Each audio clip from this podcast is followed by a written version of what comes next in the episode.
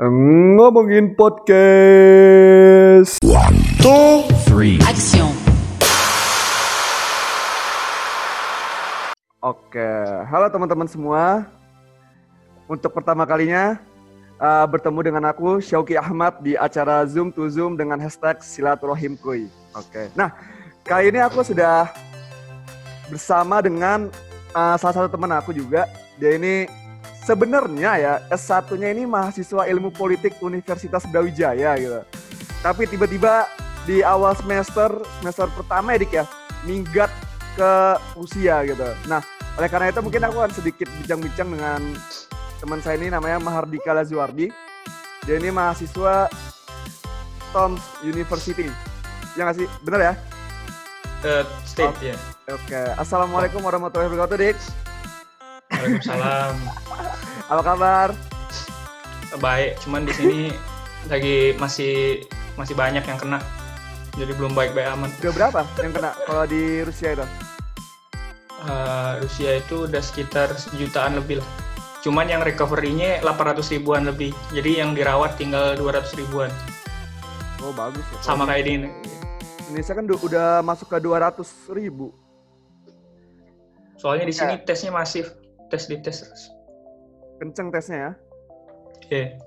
Nah, nih Dik, aku sebenarnya penasaran nih dari awal nih, awal semester nih. Kebetulan nih Dika ini pernah sekelas kurang lebih satu satu semester ya Dik ya di UB ya, Hmm. Iya. satu semester di Satu UB. semester lebih. Ah. Dan dia juga waktu di awal semester itu ikut kami Brawijaya gitu. Tapi tiba-tiba minggat, ya gak pernah ikut kampanye, gak tahu kenapa, gak pernah ikut kegiatan kami, acara-acara fakultas juga. Tapi tiba-tiba langsung aja di semester keduanya itu pergi ke Rusia. Nah, saya penasaran nih sebenarnya dari awal sih, eh, gimana sih asal mulanya kau bisa eh, mendapatkan beasiswa ke Rusia? Dik? Jadi gini Ki, Uh, awal-awal masuk ke Brawijaya tuh apa ya? Ya seneng, awal-awalnya seneng. Cuman agak gimana ya? Agak belum belum terlalu seneng. Jadi ngeliat-ngeliat gitu kan, ngeliat-ngeliat di internet, di mana-mana gitu. Ada nggak sih eh, beasiswa keluar? Kan waktu itu kan masih agak belum kayak sekarang ya. Kalau sekarang kan beasiswa di luar tuh kayak banyak banget gitu kan Hmm. kalau tahun 2017 tuh masih ya masih dikit lah. Nah terus aku lihat-lihat kan di, di YouTube, di internet. Nah terus waktu itu aku lihat di ada pengumuman tuh di internet di websitenya aku sebut aja ya di Pusat Kebudayaan Rusia PKR. Nah di di sana ah, disebutin bahwa tiap tahun tuh orang pemerintah Rusia tuh apa memberikan beasiswa terus tiap Pemerintah tahun yang nih, tiap Rusia. tahun. Iya, pemerintah yang dari Rusia tuh memberikan beasiswa terus. Nah, aku lihat kan beasiswanya ngecover apa aja. Ternyata cukup banyak ya. Ngecover biaya buat eh, pelajaran kuliah bahasa. Kuliah bahasa di cover, terus kuliah seluruh biaya buat kuliah selama 4 tahun tuh di cover. Sama setiap bulan itu bakalan dikasih duit sesuai dengan apa nilai kita kuliah. Tapi nggak besar-besar amat, sekitar eh, range-nya itu sekitar 500 sampai sejuta gitu. Nah, tapi yang nggak di-cover adalah biaya sehari-hari, kayak biaya biaya hidup lah, kayak biaya makan, Iya. terus Jalan-jalan, biaya pesawat, jalan-jalan. ya biaya jalan-jalan gitu. tapi itu, nah, alhamdulillahnya aku dapatnya di kota Toms. Toms itu kota yang cukup jauh dari Moskow, tapi cukup terkenal gitu. Jadi apa ya universitasnya tuh masuk empat besar gitu universitas di Rusia. Kenapa enaknya di sini? Apa ya di sini tuh murah, murah, murah tapi ya nggak nggak jelek itu bagus. Nah gitu Ki, jadi awalnya masuk ke biaya beasiswa Rusia tuh gara-gara nyari-nyari iseng-iseng di internet gitu. Oh, Nyari-nyari, eh kok, kok ada gitu. Ada juga di, di, di beasiswa Turki soalnya juga waktu itu. Beasiswa Turki, Bul, Bulsari kalau nggak salah. Ya, Bulsari, Turki Bulsari. Ah, ah, kebanyakan kan orang kita orang orang di UB khususnya juga orang kami itu kebanyakan ke Turki, kebanyakan ke Turki. Di Turki sekarang udah ini boleh nih ngomongin kami di sini. Boleh udah nggak apa-apa, santai aja. Ah, kalau di Turki itu udah DM DM satunya tuh udah dua kali Ki. Oh gitu. Dia ada Iya. dua kali DM satu gitu. Iya. Kalau di Rusia itu sendiri kebanyakan mereka beasiswanya apa ya? Bukan dari kalangan tau lah segmentasinya bukan segmentasi kayak kami dan lain-lain itu bukan. Jadi di sini tuh kebanyakan teman-teman kita yang dari eh, Maluku sama dari Kalimantan itu beasiswa mereka soalnya kalau yang dari eh, Kalimantan tuh biasanya beasiswa dari juga dibantu beasiswa pemerintah PT-PT juga ngebantu.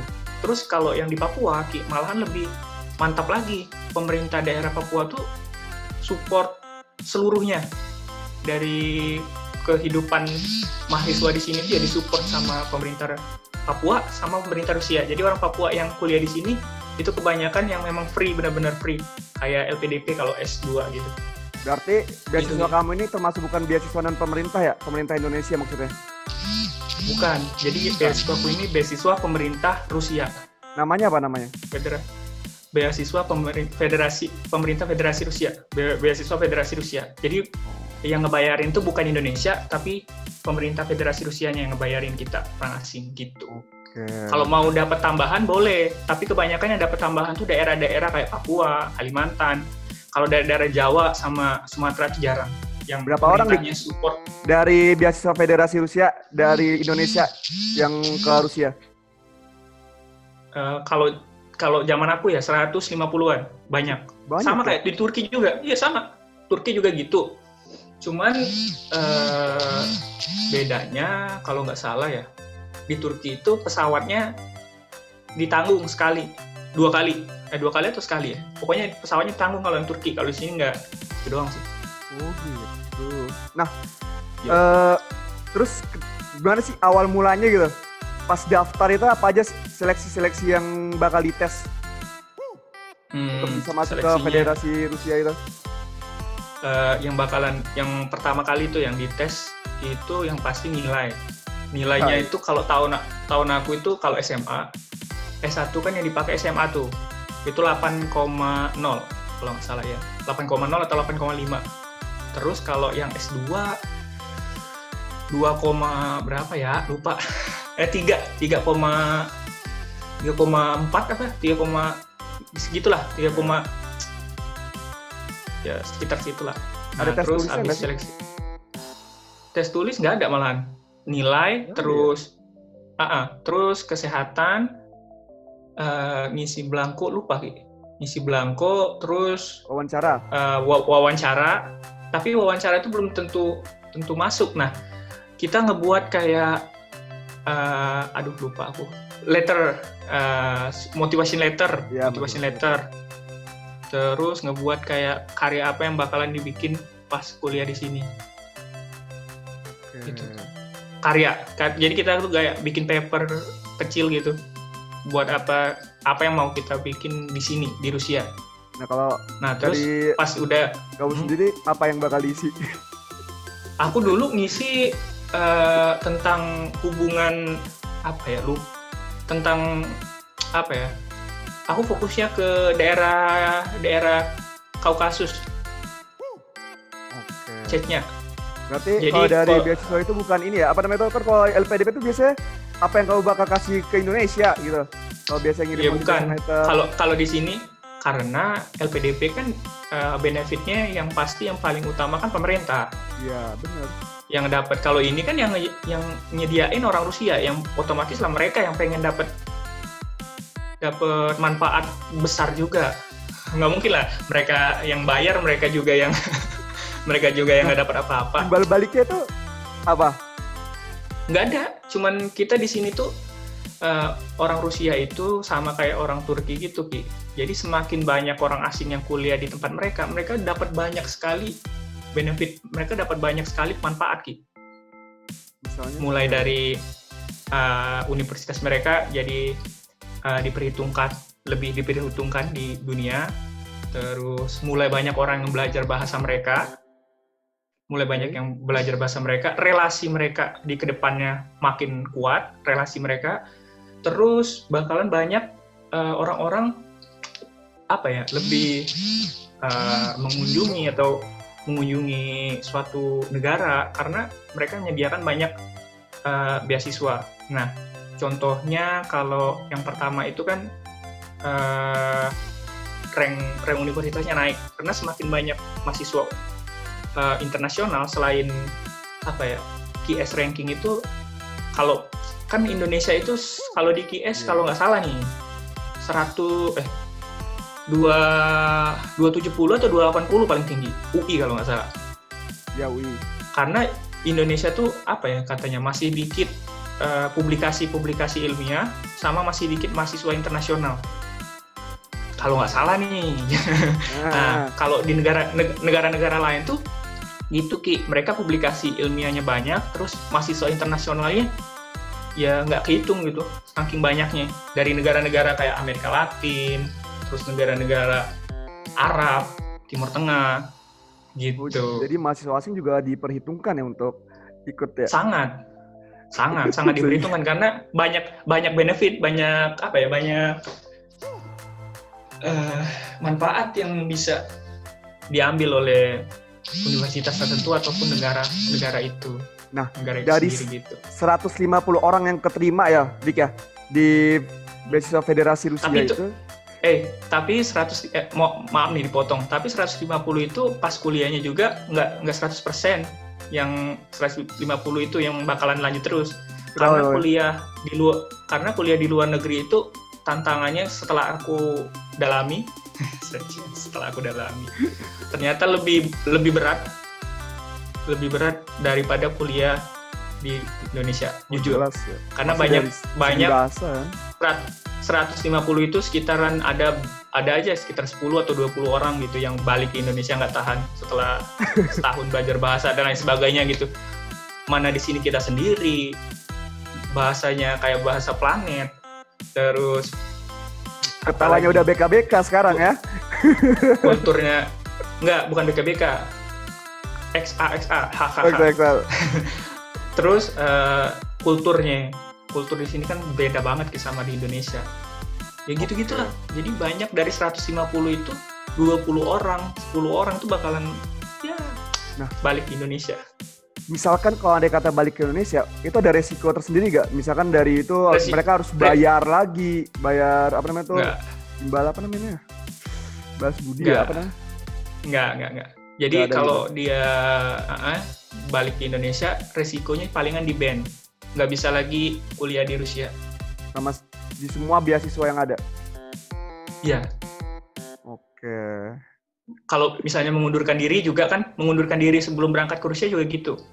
Nggak bakalan dikasih, nggak bakalan disuruh bayar balik, nggak bakalan. Tapi ya itu dilarang lagi. Kul buat kalau LPDP kan harus mengembalikan uang kalau misalkan menetap di ini apa namanya tuh di negaranya kan ada tuh kasusnya tuh Veronica Kuman kalau nggak salah itu Veronica Koman ya. Yeah. Gara-gara dia vokal vokal gara-gara dia vokal sama vokal sama itu kan vokal sama Papua. Iya. Yeah. Nah, nah, cuman bedanya dulu dulu itu ki LPDP buat S1 itu kalau nggak salah kecil dikit. Yang banyak tuh pas kami tahun 2007 2018 tuh LPDP tuh buat S2 kebanyakan. Okay. Dan itu juga LPDP itu kan uh, syarat-syaratnya juga banyak, yang daftar juga banyak jadi S1 ya kebanyakan kalau kita mau S1 nggak nggak LPDP gitu. S2 baru insya Allah kalau kita ada rezeki gitu ngambil ikutan. ada rencana buat S2 ke Rusia lagi Rik? aku rencananya kalau misalnya pepet baru ke sini karena kita harus itu ki nggak nggak janganlah dalam satu uh, dua jenjang dua jenjang pendidikan itu di satu negeri gitu. Kita harus apa ya lihat lihat ya. lagi lapang orang lain gitu gimana tempat orang lain itu gimana gitu. Kalau aku sih gitu. Jadi uh, usahalah usaha ke tempat lain dulu buat S2 kalau memang benar-benar takdirnya di sini ya di sini. Kalau ya tapi harus usaha dulu ikhtiar dulu kan. Iya, keluar dulu ke tempat lain. Masa kamu misalnya kuliah di di mana gitu di suatu negara misalnya di ke mana? Di Tunisia. Kan gak enak juga kalau sampai tiga tahun di Tunisia terus. Memang nggak apa-apa cuman kan kalau kita bisa tempat lain kan bisa lebih seru gitu. Bisa lebih tahu banyak kultur. Kan yang aku cari di sini itu selain ilmu, kalau ilmu kan di Indonesia kita juga bisa kan, Iya, Mas, bisa. ilmu nyari ilmu. Nah di sini tuh yang pentingnya tuh bukan ilmu doang gitu, pengalaman yang jarang orang lain dapatkan gitu, pengalaman hidup, gimana susahnya Hmm. sendiri dan lain sebagainya gitu sih. Dari beasiswa kamu ini kita ngomongin beasiswa dulu dik ya. Soalnya abis ini pengen Iya, iya. terkait pengalaman lah bagaimana sih di Rusia dan juga bagian jadi mahasiswa di Rusia. Nah, terkait beasiswa kamu nih, dari 150 yang keterima, itu yang eh, daftar berapa dik? Yang daftar kalau di grupnya itu sekitar 800 sampai 1000-an. Itu yang daftar-daftar aja gitu, yang eh, apply. Iya. Tapi kita nggak tahu intensinya eh, memang ambisi mau benar-benar lulus atau enggak itu kita nggak tahu. Cuman waktu dulu yang masuk grup, yang masuk grup itu sekitar 800 sampai 1000 orang yang apply, apply di internet. Apply kayak ngisi biodata, ngisi nilai dan lain-lainnya itu sekitar 800-an, 800 sampai 1000 orang. Itu yang apply doang, yang yang apa ya, cuman ngisi biodata, ngisi nilai, tapi yang nggak serius gitu. Berarti Nah, kalau aku lihat tuh peluangnya masih muda ya, Masih gede. banyak ya, masih Iya. besar. iya be- besar gede emang. Satu banding 8 kurang lebih. Satu banding 5 atau satu banding 8 gitu. Pantes kamu nggak mau Pokoknya di ngasih sini tahu deh.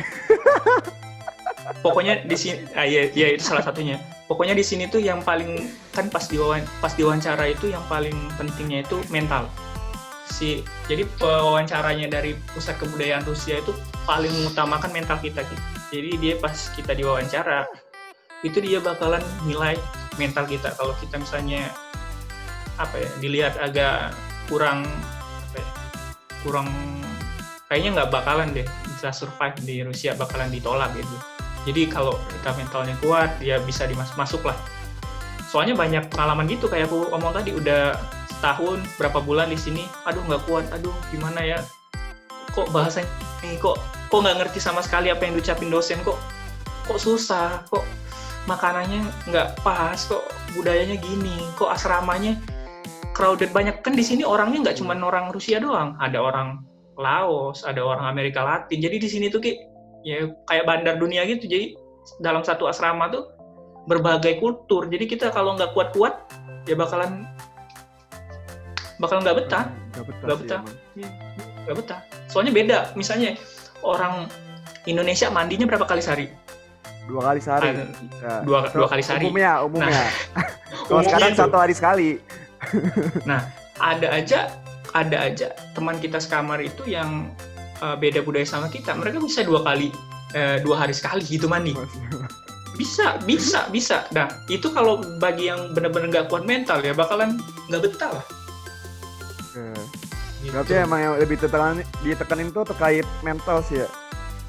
mental sama juga bisa nggak pas itu bayar pesawat itu doang ntar kalau soalnya itu di, diharapkan ada lagi uh, bantuan pemerintah gitu makanya orang Papua kan sekitar berapa tahun ini tahun ini ada sekitar 20 lebih lah orang Papua teman-teman kita di Papua itu yang disupport sama pemerintah Pem- Pemda Pemda Pemda Papuanya sendiri gitu. gitu, Nah, gitu.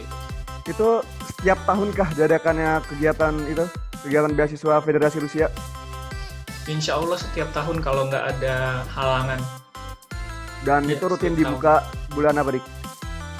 eh, beda-beda sih. Tapi rutin dibuka penghujung tahun dibuka buat tahun selanjutnya.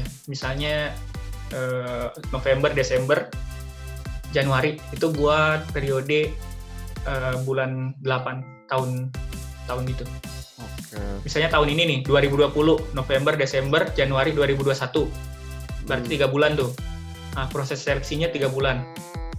Eh, buat surat kesehatan lah, apalah, inilah buat karya lah, motivation letter dan sebagainya, wawancara tiga bulan itu. Nah, terus eh, kita berangkatnya itu pada sekitar bulan 8 2021-nya. Tapi sebelum itu ya. bakalan diada bak- bakalan diadain pembekalan dari PKE. Jadi kita datang dulu ke Menteng ya, jalan di Ponorogo ke Menteng, terus di sana diadain pembekalan. Kamu di Rusia gini gini gini, ntar kloter ini ini ini. Karena tahun ini tuh kalau mau berangkat ke sini per grup, nggak nggak kayak dulu. Kalau kami kan kayak dulu sendiri sendiri. Kami bertiga, ada yang berempat, ada yang berlima, ada yang sendiri. Nah tapi tahun-tahun ini karena kalau sendiri-sendiri itu rawan rawan ketinggalan pesawat dan lain sebagainya. Jadi sekarang itu uh, per kelompok gitu. Kalau di masa pandemi kayak gini, gimana tuh kegiatan beasiswa dari Federasi Rusia? Uh, kalau pandemi kayak gini ya masih, cuman mereka belum berangkat. Oh, berarti udah Masih. Iya, udah ada yang masuk berarti ya? Udah, Udah ada. ini pendaftaran udah selesai ya? udah selesai tapi mereka belum belum apa ya belum belum berangkat gitu karena ya tahu sendiri border ditutup Iya emang. banyak lah se- Eh, terus kalau di sini dikarantina dulu aduh banyak lagi kalau Oke. sekarang mah semuanya wah, semua rencana pada ambiar Oke.